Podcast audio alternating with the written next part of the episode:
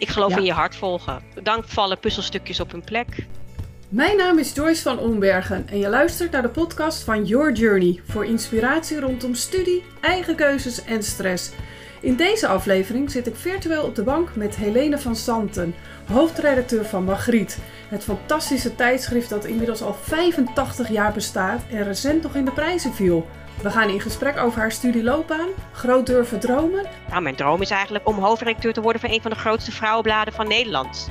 en weten waar je ja en vooral ook nee tegen moet zeggen. Waar word je nou echt blij van? Helene deelt ook nog een aantal fijne boekentips. Ik zeg ga er maar weer lekker voor zitten of luister hem onderweg en laat je inspireren door een gepassioneerde vakvrouw die haar levenslessen en inspiratie met liefde deelt met de volgende generatie. Veel luisterplezier! Goedemorgen Helene. Goedemorgen. Dames en heren, jongens en meisjes. Helene van Santen aan de lijn, hoofdredacteur van maar liefst een blad wat, nou, hoeveel jaar bestaat de Margriet al, Helene? 85 jaar. We hadden, ons jubileum eh, in september. 85 jaar. Oh my god, dat is echt heel lang. En Mhm. ja, ik ken het nog van vroeger, maar nog steeds. Eh, ik woon natuurlijk niet meer in Nederland, maar eh, ik zie het nog steeds bij de kiosk liggen. Dan denk ik, oh ja, de Magriet en de Libelle, dat waren echt bladen die gewoon thuis eh, ja, bij mij op tafel lagen, die mijn moeder las. Dat hoor ik heel vaak van, eh, van mensen die ik spreek. Heel leuk. Ja. Ja, en het is helemaal met zijn tijd meegegaan. Jullie hebben recent eh, ook een, een award in de wacht gesleept. Ja, we zijn crossmedia eh, merk van het jaar geworden. En vorig jaar al magazine merk van het jaar. Dus nee, het gaat heel erg goed. Daar zijn we heel erg trots op uiteraard. En ehm, ja, ik vind het juist heel, heel erg belangrijk inderdaad om wel ook met je merk natuurlijk met je tijd mee te blijven gaan. En de Cross Media Awards gaat natuurlijk ook vooral heel erg om ook wat je naast het bleek- weekblad in print ook natuurlijk allemaal doet. Hè, qua online met social en nieuwsbrieven en podcast en Ja. alles. Dus ja, vind ik, vond ik een heel belangrijk, ja, gewoon mooi dat, dat ook op dat vlak die waardering. eh Ja, de erkenning en de waardering. Ja, fantastisch gefeliciteerd daarmee. dankjewel, Super tof. dankjewel. Ja, en we hadden het in het voorgesprekje al even over dat ik jou al een tijdje volg en super inspirerend vind. Want naast het blad heb jij zelf ook wel eens een prijs gewonnen als hoofdredacteur. eh, eh, ja, in 2020 had ik me niet eh, vergis. En toen dacht ik, ik wil jou spreken, want er zijn zat jongeren die ja, jouw verhalen willen horen. En hoe kom je zo ver? Want ik bedoel, bij een tijdschrift gaan, gaan werken, dat vinden vaak jongeren, eh, ja, dat is allemaal zo'n droom. En dan word je uiteindelijk hoofdredacteur. Maar goed, Helene, jij bent ook een klein meisje geweest. Wat wilde jij laten worden toen je klein was? Toen ik klein was wilde ik juf worden.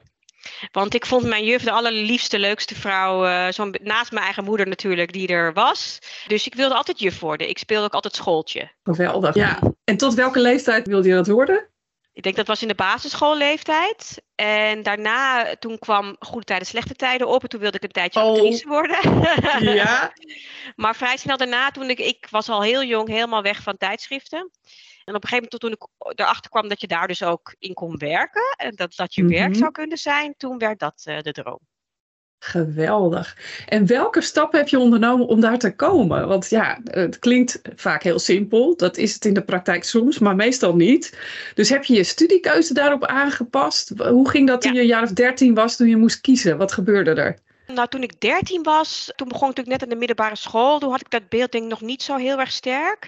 Maar ik denk dat het die keuze op een gegeven moment toen we, ik denk rond 15, 16 of iets waren. En dan, hè, dan zit je in de, in de bovenbouw.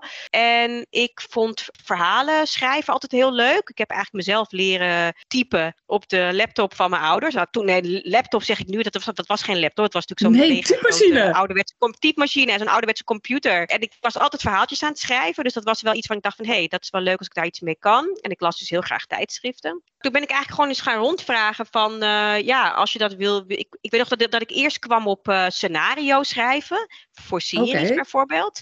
En mijn ouders dachten... tijden, "Hmm, slechte tijden. ja, precies. Daar was ik heel erg fan van. En mijn ouders hadden zoiets van, nou, is dat wel echt, nou, hè, kan je daar nou echt wel je, je brood mee eh, verdienen? En mijn moeder, die kende iemand die via haar werk, mijn moeder kende de adjunct hoofdredacteur bij Trouw, krant. En die had geregeld dat ik daar een dagje mee mocht lopen. En mijn moeder heeft later bekend dat ze eigenlijk dachten, nou, Helene die ziet waarschijnlijk de glamourkant van, uh, van dat tijdschrift De Wereldje.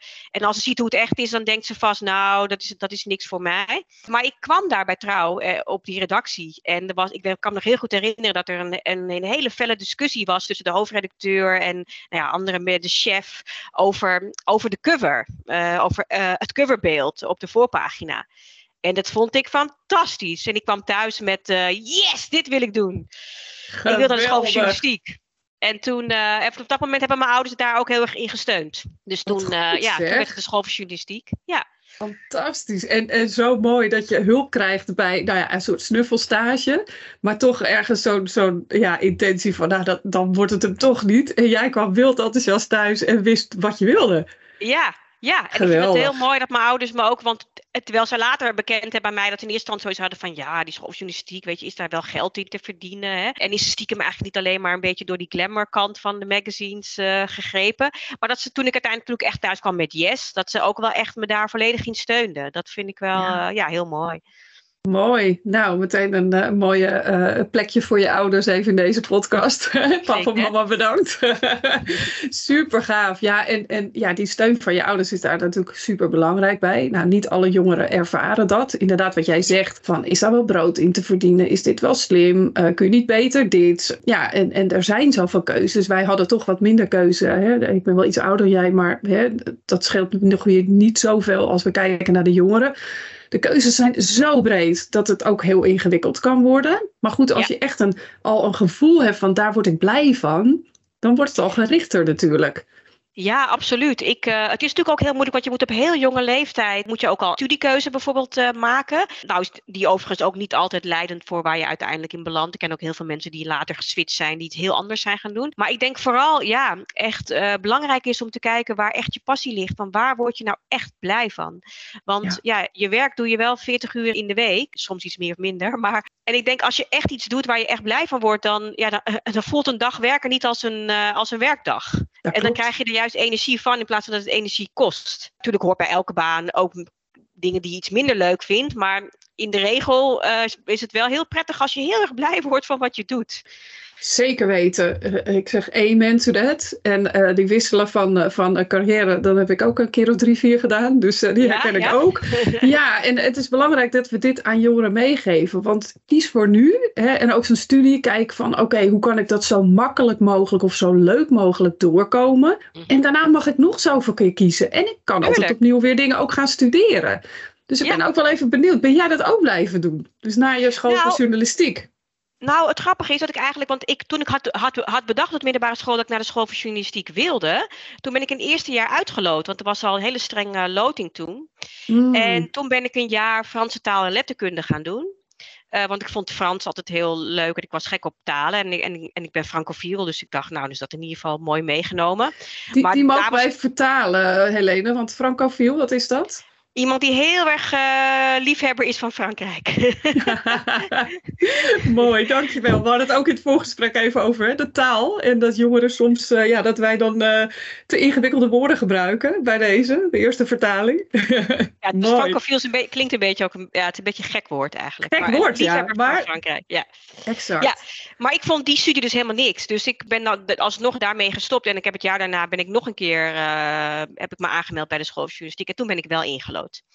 Dus ik had uh, ja, dat op zich wel. Ja, het is natuurlijk ook een beetje een dosis geluk wat je dan moet hebben, natuurlijk. En na de uh, opleiding journalistiek, toen ben ik nog een master gaan doen, communicatiewetenschap. Omdat ik was, nou ja, ik was ik geloof 23 toen ik klaar was met studeren. En ik vond mezelf nog best jong. Ik was ook nog best wel echt wel heel lang heel meisjesachtig en niet volwassen, mm -hmm. zeg maar. En mm -hmm. ik uh, had het idee van, jeetje, ga ik dan nu al fulltime werken? Uh, voor mijn gevoel wilde ik nog meer leren. En ik wilde het academische, academische niveau uh, ja, wilde ik ook leren. En, en dat type onderwijs wilde ik leren. Dus toen ben ik communicatiewetenschap gaan doen. Dat, dat sloot gewoon heel mooi aan bij journalistiek. En, uh, dus, dus ik ben nog gaan doorstuderen voor, voor een master uh, daarna. Superleuk. En dat met veel plezier doorlopen? Tenminste, dat maak ik uh, op uit je verhaal. Ja, op zich wel. Ik vond de universiteit was heel anders dan het HBO. Maar uiteindelijk wel, ja. Ja, ja, uiteindelijk wel uh, succesvol doorlopen. Ja. ja, fantastisch. En deed je nog allerlei dingen ernaast? Als in, ging je al ja. vroeg op kamers of uh, was je in allerlei vrijwilligerswerk besturen? Wat deed je? Hoe zag jouw studentenleven eruit? Nou, ik woonde niet op kamers. Ik, was, uh, ik ben eigenlijk heel lang thuis bl uh, blijven wonen. Met wel hele korte uitstapjes naar een keertje bij iemand die een kennis die een lange periode in het buitenland ging. En dan ging ik tijdelijk in dat huis. Maar ik kwam wel steeds weer terug. Het kwam eigenlijk omdat ja, ik ben opgegroeid in Amsterdam en ik studeerde in Amsterdam. Hmm. En ik had eigenlijk gewoon een, ja, een heel fijn huis bij mijn ouders. En dan zou ik op een kamer moeten in Amsterdam, waar wat heel klein, vies was en, en geld kostte. Terwijl ik een ja. huis in diezelfde stad had. Dus. Ja dat vond ik gewoon, uh, nee, ik vond het gewoon niet. Uh, niet dus ik ben eigenlijk ben ik vrij lang, uh, ik ben pas op mijn 26e zelfs echt uit huis gegaan. Dat is tegenwoordig standaard, hè, zo'n beetje, maar om een andere reden, omdat het gewoon niet te betalen is. Ik bedoel. Nee, nee. Ja. Maar goed, die achteraf gezien denk ik, want ik hoor ook heel vaak van leeftijdsgenoten die inderdaad echt op hun achttiende al uit huis waren. Dan denk ik echt, oké, okay, dan was ik echt heel laat. Maar als ik nu terugkijk, denk ik dat het voor mij heel goed was. Want ik, ja, ik was op mijn achttiende echt nog een kind. Mm-hmm. en, en zelf denk je misschien van niet, maar ik ben eigenlijk heel blij dat ik uh, ja, wel lang ja, gewoon thuis uh, was. En ik, uh, ik deed wel veel al eh, daarnaast qua bijbaantjes. Dat deed ik heel veel eerst allerlei bijbaantjes, zoals een klantenservicebaantje. Of in, ik heb in de bioscoop gewerkt. En ik heb uh, nou ja, bij de bank als bijbaan gewerkt. Heel veel verschillende dingen. En later, toen ik aan mijn master begon, toen, toen ging ik ook in de journalistiek bijbanen. Dus ik, ik, um, ik schreef voor een Nobelus magazine, een studentenmagazine. Deed ik al ervaring op met interviews. En later bij AT5. Dat deed ik ook naast mijn studie bij AT5 uh, als online redacteur de, de A5, de Amsterdamse uh. Televisie, hè? Ja, ja. En die hadden ook een uh, online tak en daar, uh, daar werkte ik toen. Dus ik deed eigenlijk dat heel veel daarnaast. Maar niet in de zin van studentenverenigingen en dergelijke. Nee. Daar, daar voelde ik me niet zo in thuis, in, bij, dat, nee, bij die club. Dus dat, nee, nee, dat, dat, nee. dat, deed ik niet. Maar ik was ontzettend druk met eigenlijk werk en studie. Ja, en natuurlijk ook vrienden, uiteraard. Maar, maar niet, niet, niet in verenigingvorm. Nee, nee, mooi. Maar allemaal gerelateerd al aan uh, ja, wat je uiteindelijk ook uh, bent gaan doen. Ja. Want ja, toen je klaar was met je studie, was het toen een hele makkelijke uh, ja, periode om aan een, aan een baan te komen in jouw vakgebied? Of was dat nog lastig? Want nu liggen de nee, banen zich... bij wijze van spreken voor het oprapen. Maar dat ja. zijn golfbewegingen. Het zijn golfbewegingen. Het was toen begin jaren nul. Um, en in die periode was het eigenlijk economisch heel goed. Uh, dus ik weet nog dat ik inderdaad mijn eerste echte vaste baan was redacteur bij tijdschrift Vriendin. Audax Publishing. En daar ben ik, nou, ik, ik weet nog wel dat ik toen een periode ging solliciteren, maar dat ik vrij snel, dat ik ook, dat ik ook veel gesprekken had, werd uitgenodigd, dat ik vrij snel een, va een vaste baan uh, aangeboden kreeg. Ja. Uh, dus dat was toen makkelijk. Later was dat in de periode, in, eigenlijk in de jaren tien, zal ik maar zeggen, van deze eeuw. Toen was een periode dat het moeilijker was. Ja. En dat was ja. juist de periode, ja, want ik ben na periode gaan freelancen. Want ik heb in Parijs gewoond, omdat ik dus nou ja, heel erg van Frankrijk hou. En ik wilde daar altijd wow. een periode wonen. Ik ben daar gaan wonen om, om, Frans te gaan studeren. Maar eigenlijk ontdekte ik al snel dat ik ja, toch nog Frans ga studeren. Maar dan heb ik ja? dadelijk cursus daar. Dat bleef toch kriebelen dat ik dat wel heel graag wilde. En ik, en ik wilde een, een, een, periode freelancen. Dus ik schreef voor verschillende bladen. En ik schreef een, een blog. En ik deed van alles. Maar ik kwam er eigenlijk terug in Nederland ook achter dat ik freelance eigenlijk helemaal niet zo leuk vond. Dat het niet zo goed bij mij paste. Want als freelance journalist ben je eigenlijk, ja, je, krijgt een opdracht een artikel te schrijven. Dat doe je vanuit ja, thuis. Ja. En dan maak je, je maakt één artikel, dan lever je dat in. En verder was ik helemaal niet betrokken bij het hele proces van een tijdschrift maken. Uh, wat juist heel erg leuk is. Van het werken op een redactie. Ja. En ik was, was ook die, ik ben wel goed in ideeën bedenken, maar het pitchen bij redacties, dat voelde voor mij ja, ik, ik, zeg het oneerbiedig leuren om opdrachten. Ik weet dat bij heel veel mensen die er heel goed in zijn, die er heel veel plezier in hebben, bij wie dat heel anders voelt. Maar bij mij voelde dat zo. En ik vond dat heel mhm. vervelend. Ja, ik vond het gewoon niet leuk. Dus en toen ik voor mezelf eigenlijk durfde te zeggen: hé, hey, ik heb iets geprobeerd, maar ik vind het eigenlijk helemaal niet leuk. Toen wilde ik, dacht ik, ik wil eigenlijk gewoon weer echt terug in dienst op een redactie werken. Vind ik, veel, ik vind het veel leuker om in dienst te, te zijn. Het is ook belangrijk om voor jezelf te ontdekken. Ja. ja, precies. Daar zit een fantastische les in. Want uh, ja. ja. jij was eigenlijk al een van de early eh, digital nomads, als ik jou goed uh, beluister. Ja. Vanuit een ander land kun je freelance klussen doen. Maar als er uiteindelijk lijkt dat misschien leuker dan het in werkelijkheid is. En durf je dat dan voor jezelf toe te geven? Of blijf je op Instagram posten nu tegenwoordig? Hoe fantastisch leven je daar in Emily in Paris hebt. Terwijl hè, je misschien doodongelukkig bent. Hoe kwam je erachter? Was dat, uh, ja, was dat eh, je hoofd of je hart? Wat gebeurde er dat je merkte, ja, maar hier word ik eigenlijk helemaal niet gelukkig van?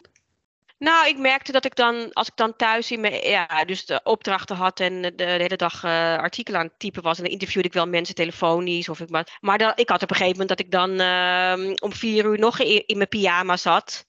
En dan dacht, uh, oh ja, heeft het nog zin om te gaan douchen? Nou ja, weet je, dan ja, ik, nee. En ik miste gewoon echt heel erg dat onderdeel zijn van een team met mensen. Ik vond, ja. ik vond het gewoon helemaal niks. Dus toen ik dat had, had bedacht, maar toen was het eigenlijk juist in die periode dat het economisch veel slechter was.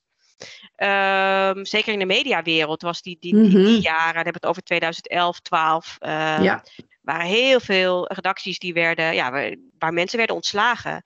En redacties werden eigenlijk alleen maar uh, kleiner. Ja. Wat ik toen heb gedaan, ik heb een uh, coach, ah. loopbaancoach onder de arm genomen. Is ook trouwens een hele goede tip voor. voor uh, zeker weten. Ja, ik zeg altijd, uh, niemand, niemand uh, heeft een coach per se nodig. Iedereen kan er een gebruiken. En nou, in dit geval, ja, ja, mooi. Absoluut. En van hem leerde ik heel erg uh, dat carrière maken een plan opstellen is. En hij daagde me heel erg uit ook met die vraag: ja, maar wat is nou die stip aan die horizon? Wat wil je nou eigenlijk echt? En ik was uh, in mijn twintig jaren heel erg onzeker. Inmiddels was ik dertig. En ik durfde eigenlijk voor het eerst echt te zeggen: van, uh, nou, mijn droom is eigenlijk om hoofdredacteur te worden van een van de grootste vrouwenbladen van Nederland. Ja. En hij ook echt, ja, maar waarom wil je dat? Dat is helemaal kippenvel. en dan, is ja. wel gelukt. Oh my god, wat mooi. Ja, maar van hem leerde ik wel dat, dat, dus, dat als je dat dus wil, omdat het, dat, dat je daarvoor een plan moet opstellen. En ik weet ook nog wat echt een eye-opener was, dat ik toen tegen hem zei: Ja, maar ja, er worden nu alleen maar overal gaan er mensen uit. Hè, want het gaat minder goed. Uh. En toen zei hij: Ja, maar als, als er mensen uitgaan en bedrijven moeten gaan veranderen, ze gaan veranderen in de digitalisering, dat was natuurlijk toen uh, heel erg in opkomst, dan is er ook behoefte aan nieuwe mensen. Dus aan ja. welke er, er is altijd behoefte aan mensen in elke branche. Ja, klopt. Uh, dus in, um, aan welke mensen is er behoefte? Ik zei, ja, nou, aan digital natuurlijk. Hij zegt, nou, en dat ben jij. Ja. En dat vond ik, nou ja, dat vond ik zo wow. eye-opener van je welste. Van, En toen ben ik me daarop helemaal gaan specialiseren. Van uh, alles van digital. En uh, nou ja, toen bleek inderdaad dat daar de behoefte ook lag. Ja. En natuurlijk moet je, het, moet je het niet alleen vanuit die motivatie doen, maar ook omdat het, je, je, je moet het wel echt leuk vinden, het moet wel echt je passie zijn. Maar toen ik vol op dat, in dat hele digital ging en ik, was ik mijn eigen blog begonnen en ik heb, ik, ik heb alles mezelf eigenlijk aangeleerd over digital. Ja, toen merkte ik inderdaad ook toen ik ging solliciteren, want ik ben toen, uh, nou ja, eerst als online redacteur bij Libelle terechtgekomen bij Sanema Media. Dat is nu overgenomen door DPG Media. En later ben ik daar chef geworden van de online redactie. En, uh, en zo ben ik uiteindelijk weer in dienst gekomen, weer bij, ja, bij een hele grote uitgever, wat, wat, uh, ja, wat echt wel mijn droom was. Uh. Ja. Geweldig. Dus ja, dat keerpunt was toch wel die coach in de arm nemen. Was dat iets wat je. Want ik bedoel, coaching bestaat al heel lang. En ja, voor sommige mensen is het best een drempel. Want ja, het kost geld. Uh, uh, hoe kom je op het idee? Weet je wel, soms ben je helemaal niet bewust van dat je een coach kan inschakelen. Hoe kwam dat op jouw pad? Dat kwam omdat ik een cursus deed. Ik had in die periode toen ik, toen ik freelancete, had ik ook parttime vaste baan bij een woningcorporatie in Amsterdam, bij Stadgenoten. En, ik maakte daar het bewonersmagazine en, en ik deed dingen voor de socials en online alles. En vanuit die baan uh, deed ik een opleiding. Dat was een opleiding hmm. voor dat was een, een, opleiding, ja, volgens mij was het leidinggeven voor niet-leidinggevende. Dat is heel okay. uh, titel, maar wel omdat ik wel wist van ik, ik wil die kant ooit op. Dus dan, nou, die ja. skills. En die trainer daarvan, had ik een hele goede klik mee. En die coachte ook één op één. En dat is mijn coach Aha. geworden. Fantastisch. Dus en het kwam eigenlijk op je pad. Ja, ja dus ja. ja. ja. Mooi. Geloof je in toeval, Helene? Nee, ik geloof niet in toeval. Nee. Nee. Ik ook niet. Mooi. Ik geloof in uh, plannen maken. Ik geloof in ambities uitspreken. Heb ik ook van hem geleerd. Ik geloof ja. in je hart volgen. Dan vallen puzzelstukjes op hun plek. Als je, ja. da, als je die drie dingen doet. Ja, dan ga je de juiste mensen ontmoeten, zoals zo'n coach of eh, iemand die zegt, joh, toevallig hoor ik net de zus of zo. Ja. Maar goed, jij zegt je uitspreken. Uitspreken dat je hoofdredacteur van uh, Margriet wil worden. Dat is wel een dingetje. En uh, we zitten, jij zit in Nederland. En in Nederland je komt boven Bijveld uitsteken. Dat wordt niet altijd gewaardeerd. Want doe maar normaal, doe je al gek genoeg. Heb je daar reacties op gekregen? Want naar wie sprak je dat uit? Nou, je moet, ik denk dat je niet de hele dag door tegen iedereen, uh, tegen al je collega's moet zeggen. maar wel tegen je leidinggevende. Want ik heb op een gegeven moment, uh, ja, toen ik uh, chef ook werd bij Libelle. Ik was in eerste instantie redacteur ehm, bij Libelle. En toen heb ik daar wel geroepen, ik wil, ik wil straks chef worden. En toen de chef ook wegging en, en er vacature was, ja, toen werd er ook wel aan, aan mij gedacht. En toen ik een paar jaar chef was, toen ging ik wel, ja, je, je, je hebt natuurlijk ook ieder jaar met je leidinggevende beoordelingsgesprekken en doelstellingsgesprekken. Dat zijn hele goede momenten om ook ja. voor jezelf na te denken over wat wil ik nou eigenlijk over een paar jaar. En dat ook uit te spreken. Dus toen heb ik wel ook gezegd van, nou, mijn ambitie is om, om hoofdredacteur te worden. En ik denk dat mensen vaak bang zijn, merk ik vaak in gesprekken. Ik heb wel eens gehad dat iemand tegen mij zei, iemand uit mijn team, ja. van, uh, ja, ik wil later hoofdredacteur worden, maar ik vind het wel spannend om dat tegen jou te zeggen. Ja, ja. Ik zeg, ja, maar waarom? Ik vind het juist alleen maar heel fijn dat er mensen, ik bedoel, uh, ik ben niet bang dat, dat, ik vind het juist heel fijn als ik mensen in mijn team heb die, die mijn plek willen. Dat houdt ja. mij trouwens ook scherp en ik vind het heel exact. mooi om mensen met ambitie te hebben. Ik denk dat mensen vaak bang zijn om dat uit te spreken, want ze dan denken, ja, oh, dat, dan denkt hij of zij dat ik, dat ik aan, aan, aan haar stoelpoten aan het zagen ben. Ja. En dat is natuurlijk ja. niet zo. Nee, je kunt het juist als een enorme stimulans zien, inderdaad. En jij bent dan toch een soort voorbeeld hè, voor die teamleden van dat, die functie. En, en misschien zelfs op die manier wil ik dat ook gaan doen. Ja, ja precies. fantastisch. Ja, mooi. Ja. ja. ik ben het helemaal met je eens. En ook uh, die gesprekken, die functioneersgesprekken, de persoonlijke doelen gesprekken. Ik heb ze ook regelmatig met mijn team, met alle nieuwe stagiaires die binnenkomen. Dan zeg ik je, wat, wat wil je hier leren? He, zakelijk, maar zeker ook als persoon. Wat, waar ja. wil jij staan? Die stip aan de horizon, dat soort gesprekken. Dat is fantastisch. Ja, is en durf grote dromen. Ja. Ja, zeker. En ik denk, denk, denk, dat mensen zien vaak die gesprekken als... oh, daar gaan we weer, moet ik weer... Uh, het dwingt je om uh, ja, toch af en toe even stil te gaan staan bij die vragen. Het is heel mooi als je als leidinggevende, zoals jij dat ook schetst... dat je ook een beetje kan opstellen als een coach naar iemand toe. Hè? Zeker. En, ja. en de juiste vragen te, te, te stellen, waardoor met name... Ja, vooral voor jongeren is dat soms best moeilijk om, te, om die juiste Klopt. vraag aan jezelf te stellen. Maar door de juiste vraag te stellen kom je wel op bepaalde ideeën van, uh, oh ja, ja, dat zou ik eigenlijk heel erg leuk vinden. Ja. En dat past heel goed bij mij. Ja, fantastisch. Ja, mooi. Deze podcast wordt mede mogelijk gemaakt door jongleren.es. De partner voor stages, onderwijsprojecten en coaching in Zuid-Spanje. Nou, dan zijn er misschien luisteraars die denken, nou, Helene heeft ooit zo'n snuffelstage gelopen. Dat zou ik ook wel willen. Ik wil wel een dagje meelopen bij de Margriet. Wat moeten ze dan doen? Want dat is ongetwijfeld zijn er heel veel mensen die dit willen. Maar hoe maak je kans op zo'n dag of een halve dag? Dan kan je een mailtje sturen naar de redactie uh, en vertellen waarom je dat graag wil, uh, ja, wat je zou willen leren. Wij doen snuffelstages één keer in, in de zoveel tijd. Uh, we doen het ook niet te vaak doen, want je wil zo iemand als iemand komt een dag wel kunnen begeleiden. En daar moet dan ja, wel tijd voor zijn geven. op dat moment. Mm -hmm. Exact. Maar snuffelstage moet ik zeggen, in de praktijk komen die aanvragen niet zo heel vaak hoor. Het is vaker het reguliere stages bij de opleidingen. Omdat mensen dan echt die opdracht gewoon vanuit school gewoon krijgen. Van ja, je moet uh, drie maanden stage ja. lopen. Maar het valt me op dat snuffelstage eigenlijk niet heel vaak nee. worden gevraagd. Grappig. Nou, bij deze luisteraars, want een dag kan soms al het verschil maken. En dan kun je misschien ja. denken, ik wil drie maanden, maar wie weet wat daar weer uit voortkomt. Ja, precies. En hoe ja. maak je de meeste kans? Want jij zegt een mailtje. Nou, ik weet uit ervaring, ik, regel, ik, ik mail wel eens naar redacties hè, over mijn boeken of over iets wat ik uh, kwijt wil. En ik weet, je moet het zo persoonlijk mogelijk maken. Want ja, redacties krijgen tig mails per dag. Ja. Dus hoe kun je er bovenuit springen? Heb je daar een mooie tip voor? Ja, door toch iets te, iets te doen wat nou heel erg eigen is en wat, en wat ja, uh, to, misschien uh, een beetje out of the box is of, of, wat opvalt. Wel belangrijk om het kort te doen. Want ik, tegen, ja. ik hoor ook tegenwoordig vaak zeggen mensen, oh dan maken ze filmpjes of zo, maar dan heeft iemand tijd besteed aan een vijf minuten filmpje, maar ik heb geen tijd om dat, om dat te gaan, uh, gaan bekijken. Ja, ik ontvang liever eigenlijk gewoon in een, in, in een mail, maar gewoon heel uh, beknopt, uh, to the point, maar wel heel persoonlijk. En ook heel, heel duidelijk wat je nou eigenlijk precies wil. Want dat is ook en, vaak en, dan. Ja, niet soms is. niet helemaal duidelijk inderdaad. Van heb je tips? Ja, dat is zo'n brede vraag. Daar kan iemand geen antwoord op geven. Nee, weet je wel? En, en, je tijd is kostbaar. Je wil wel helpen, maar wees dan heel hè, specifiek. En jij zegt, maak het persoonlijk. Nou, dat kan natuurlijk gaan over jouw persoonlijke drive. Van ik wil om die, die reden stage lopen. Maar het helpt ook als je het persoonlijk maakt. Als je weet, een beetje achtergrondinformatie uh, zoekt over degene waar je de mail naar stuurt. Dus hè, redacties zijn mensen. Jij bent een persoon. En er werken mensen op een redactie. Dus hoe komen ze daar? Hoe kunnen ze daar nog uh, aandacht aan besteden? Nou ja, tegenwoordig heeft natuurlijk iedereen een tig social media profielen. Dus je komt eigenlijk heel snel achter wat voor type persoon het is. En, uh, en, en ook goed weten dat je naar, naar welk merk je iets stuurt. En dat, uh, dat vind ik ook, ook vaak bij bedrijven met persberichten of zo. Je wil niet weten hoeveel persberichten ik krijg. Van ik echt mm -hmm. denk, nou, weet je überhaupt wel wie onze doelgroep is? Mensen die dan mailen naar mij, van ik echt denk, nou, volgens mij heb je nog nooit een margriet opengeslagen, weet je wel? Nou, dan, ja, dan, dan, ja. Uh, ja, dan werkt het uiteraard niet. Nee, nee, en in, nou, wat ik. Ja, verdiep je erin inderdaad. En ja. uh, ga naar een bibliotheek of naar een kiosk en haal een Margriet. En lees uh, hè, wat daar allemaal ja. in staat. En er staat ook altijd een colofon in. Waar ja. namen van redacties, redactieleden staan. Ja, en gebruik LinkedIn. Dat vind ik ook altijd een hele belangrijke. Zo zijn, wij, hè, jij en ik, ook in contact gekomen. LinkedIn is gewoon een super mooi medium.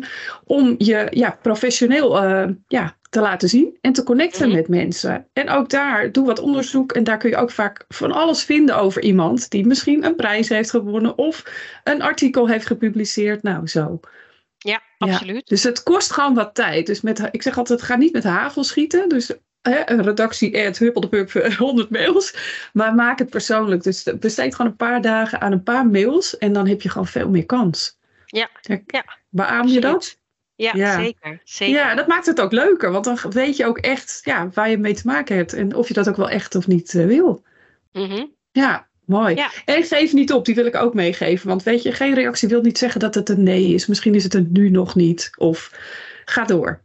Klopt. En realiseer je ook vaak dat, uh, ja, dat mensen aan wie je mailt, ja, die ook heel veel mail krijgen. Ik kan me nog herinneren, een hele wijze les van mijn moeder. Dat ik, ik kan me nog herinneren toen ik begon als, uh, toen, ik nog stu student was. En ik deed ook uh, freelance um, artikel. En ik had gemaild naar een chef en ik kreeg geen, geen antwoord. En ik had nog een keer gemaild en ze reageerde maar niet. En toen was ik echt een beetje boos. En ik weet dat ik heel boos tegen mijn moeder zei: Ja, en ze reageert dan gewoon niet. En ik moet het weten, het moet verder. En, en toen zei mijn moeder: Ja, maar voor jou is deze mail naar haar het belangrijkste van de dag. Maar voor haar, jij weet niet hoe haar dag eruit ziet. Voor, voor haar uh, is jouw e-mail geen prio. Want zij heeft misschien uh, budgetten die ze moet uh, accorderen vandaag. Of we moeten nu maar naar, naar, de, naar, naar de drukker. Dus exact. verplaats je ook daarin en besef ook soms dat, uh, ja, zij heeft honderd e-mails die allemaal antwoord. dat vond ik eigenlijk ook een hele wijze, een, ja, ja. een, een, een, een eye-opener daarin. Van, verplaats ja. je ook in die persoon. En, ja, heel, uh, heel goed inderdaad. En jouw, jouw prioriteit, hè, of voor jou is belangrijk, maar het is niet meteen de prioriteit voor, die, voor, een ander. Nee, en dat kan je ook ja. niet zo opleggen, want zo, zo, nee. zo werkt het helemaal niet. Nee, nee, dat klopt. Mooi, ja, verdiep je in de ander inderdaad. En, en, en nou ja, soms ook gewoon realiseren, oké, okay, nu even niet en ik laat het weer even los. En we hadden het er net al over, als je niet in toegang gelooft, als het de bedoeling is, dan gebeurt het wel. En als jij dan ja. goed je werk hebt gedaan, dan komt er ergens een optie. Dat, daar geloof ik echt enorm in. En, en ja. ga vooral op zoek naar wat maakt jou dan anders dan die 85 andere mensen. Ja. Ja, en, en dat, uh, ja, dat gaat dan wel opvallen. Mooi, dankjewel. Want dit zijn echt hele mooie tips waar, waar jongeren wat mee kunnen. En dit gaat hè, natuurlijk over een redactie, maar gaat überhaupt over een stage vinden, over solliciteren. Hè, probeer zo authentiek mogelijk te zijn en, uh, en durf. Ja, mm -hmm. durf gewoon te vragen. Ja, ik had van de week toevallig, uh, ik had een boekenclubje met een aantal uh, van mijn lezers. En toen zei een van die meisjes, ja, ik heb gesolliciteerd op een, op een baan waar ik niet voor gekwalificeerd was. Mm -hmm. En toen zei ze, ja, ik had jouw boek gelezen. En toen dacht ik, ik moet het gewoon doen. Ik moet gewoon durven. Nou, ja. wat gebeurde? Ze redden het tot de laatste ronde. Werd het uiteindelijk niet. Maar er werd speciaal voor haar een functie gecreëerd. Oh, wauw. Dat was nooit gebeurd als zij niet de stoute schoenen had aangetrokken en gesolliciteerd ja. had. Ja. Ik vond dat zo'n mooi, mooi voorbeeld van durf het gewoon. Wat heb je te verliezen? Ja. Niks. Nou, geweldig. Ja. Ja, dat heel is echt mooi. heel tof. Ja, en ook, nou, jongens, als jullie Helene willen benaderen, doe het met respect. Nooit zomaar LinkedIn editen of uh, het uh, contact. Even netjes een berichtje erbij. Ik heb de podcast geluisterd of geef even een intro. En dan wil iemand je zeker accepteren. Geldt voor mij ook. Ja, ja. mooi. we gaan even naar de, de boekentips of de docu- of filmtips. Zijn Ja. er eh, ja, boeken of documentaires waar, die impact op jouw leven hebben gemaakt? Poeh, impact op mijn leven, dat is wel heel eh, sterk uit. Klein of groot? Ehm, ik, waar je eh, inspiratie uitgehaald hebt? Ja, ik vond het boek Nice Girls Don't Get the Corner Office. eh, van Ah. Lopi Frankel. Met name voor, voor vrouwen, maar eigenlijk ook voor mannen hoor. Ja, dat vond ik echt een fantastisch boek. Hoe wij toch als meisjes zijn geconditioneerd om ehm, in onze opvoeding en ook in- door de maatschappij om ja, ja, eh, bijvoorbeeld vaker om toestemming te vragen, eh, om vooral heel lief te zijn. En eh, ja, er zaten wel een aantal dingen in dat boek van ik echt dacht, oh, dat vond ik ook echt wel een eye-opener. Mooi. ja, in lessen ook hoe je je, ja, hoe je je gedraagt, gewoon in zakelijke omgeving. Ja, het zijn een aantal dingen waar ik nog regelmatig aan denk. Van, oh ja, dat... Ja.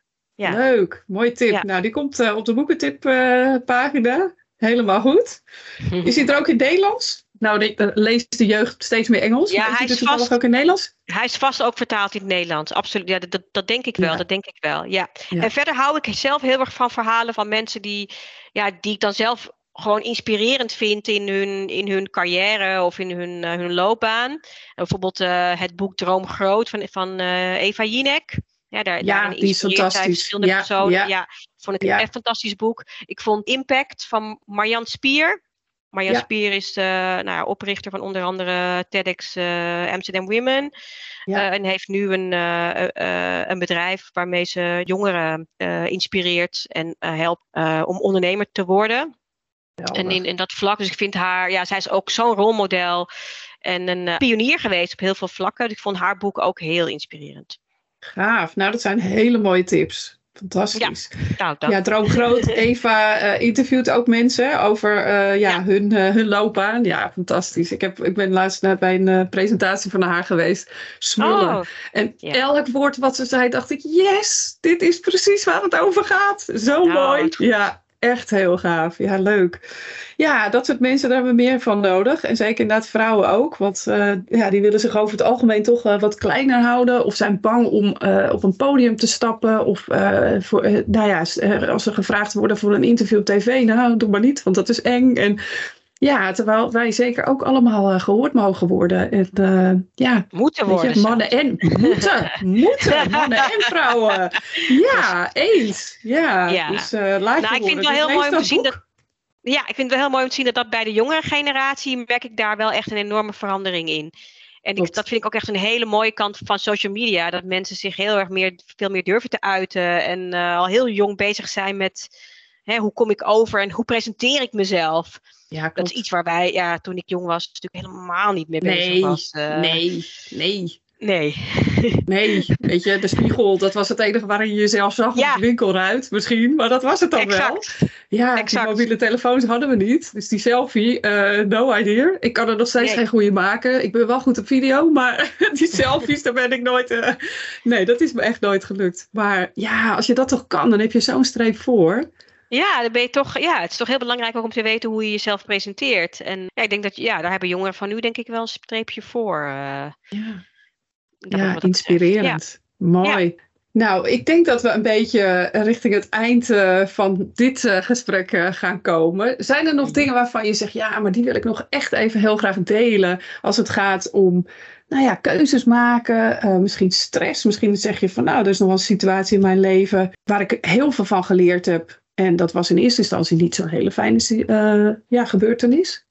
Eh, waar ik vaak ook vragen over van mensen krijg, is de werk-privé-balans. Ja, daar hadden we het in het Eh, voorgesprek over. Heel goed dat je die terugpakt. Ja, mooi. Dat is denk ik een, eh, ja, wel een hele goede natuurlijk om, eh, ja, dat, iets waar, nou ja, je hoort tegenwoordig met name juist onder jongeren ook hoge, hoge percentages burn-outs en dergelijke. Ik denk dat jongeren ook vaak wel heel erg streng voor zichzelf zijn. Het idee van ik moet alles en ik moet alles aanpakken. Hè, als je voor jezelf een heel duidelijke doelstelling hebt en tip aan de horizon, kan je ook focus aanbrengen. En dan zeg je dus ja tegen de juiste dingen en nee tegen andere dingen. En soms is iets wat op je pad komt, ja, natuurlijk wel heel leuk. Eh, nou, bijvoorbeeld, ja, we hadden het in het voorgesprek over. Ik heb naast mijn baan als hoofdredacteur, heb ik ook, eh, eh, en ik ben trouwens moeder van twee kleine kinderen. Ik heb een tweeling, tweeling van vijf. jongens. Een tweeling, van vijf, ja, ja.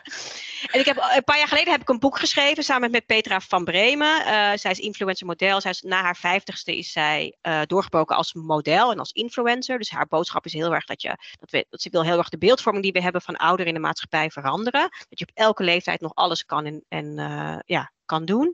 Dat vond ik zo'n tof verhaal. En toen ze bij me kwam het idee voor een boek, zei ik, ja, ik wil het gewoon zelf schrijven.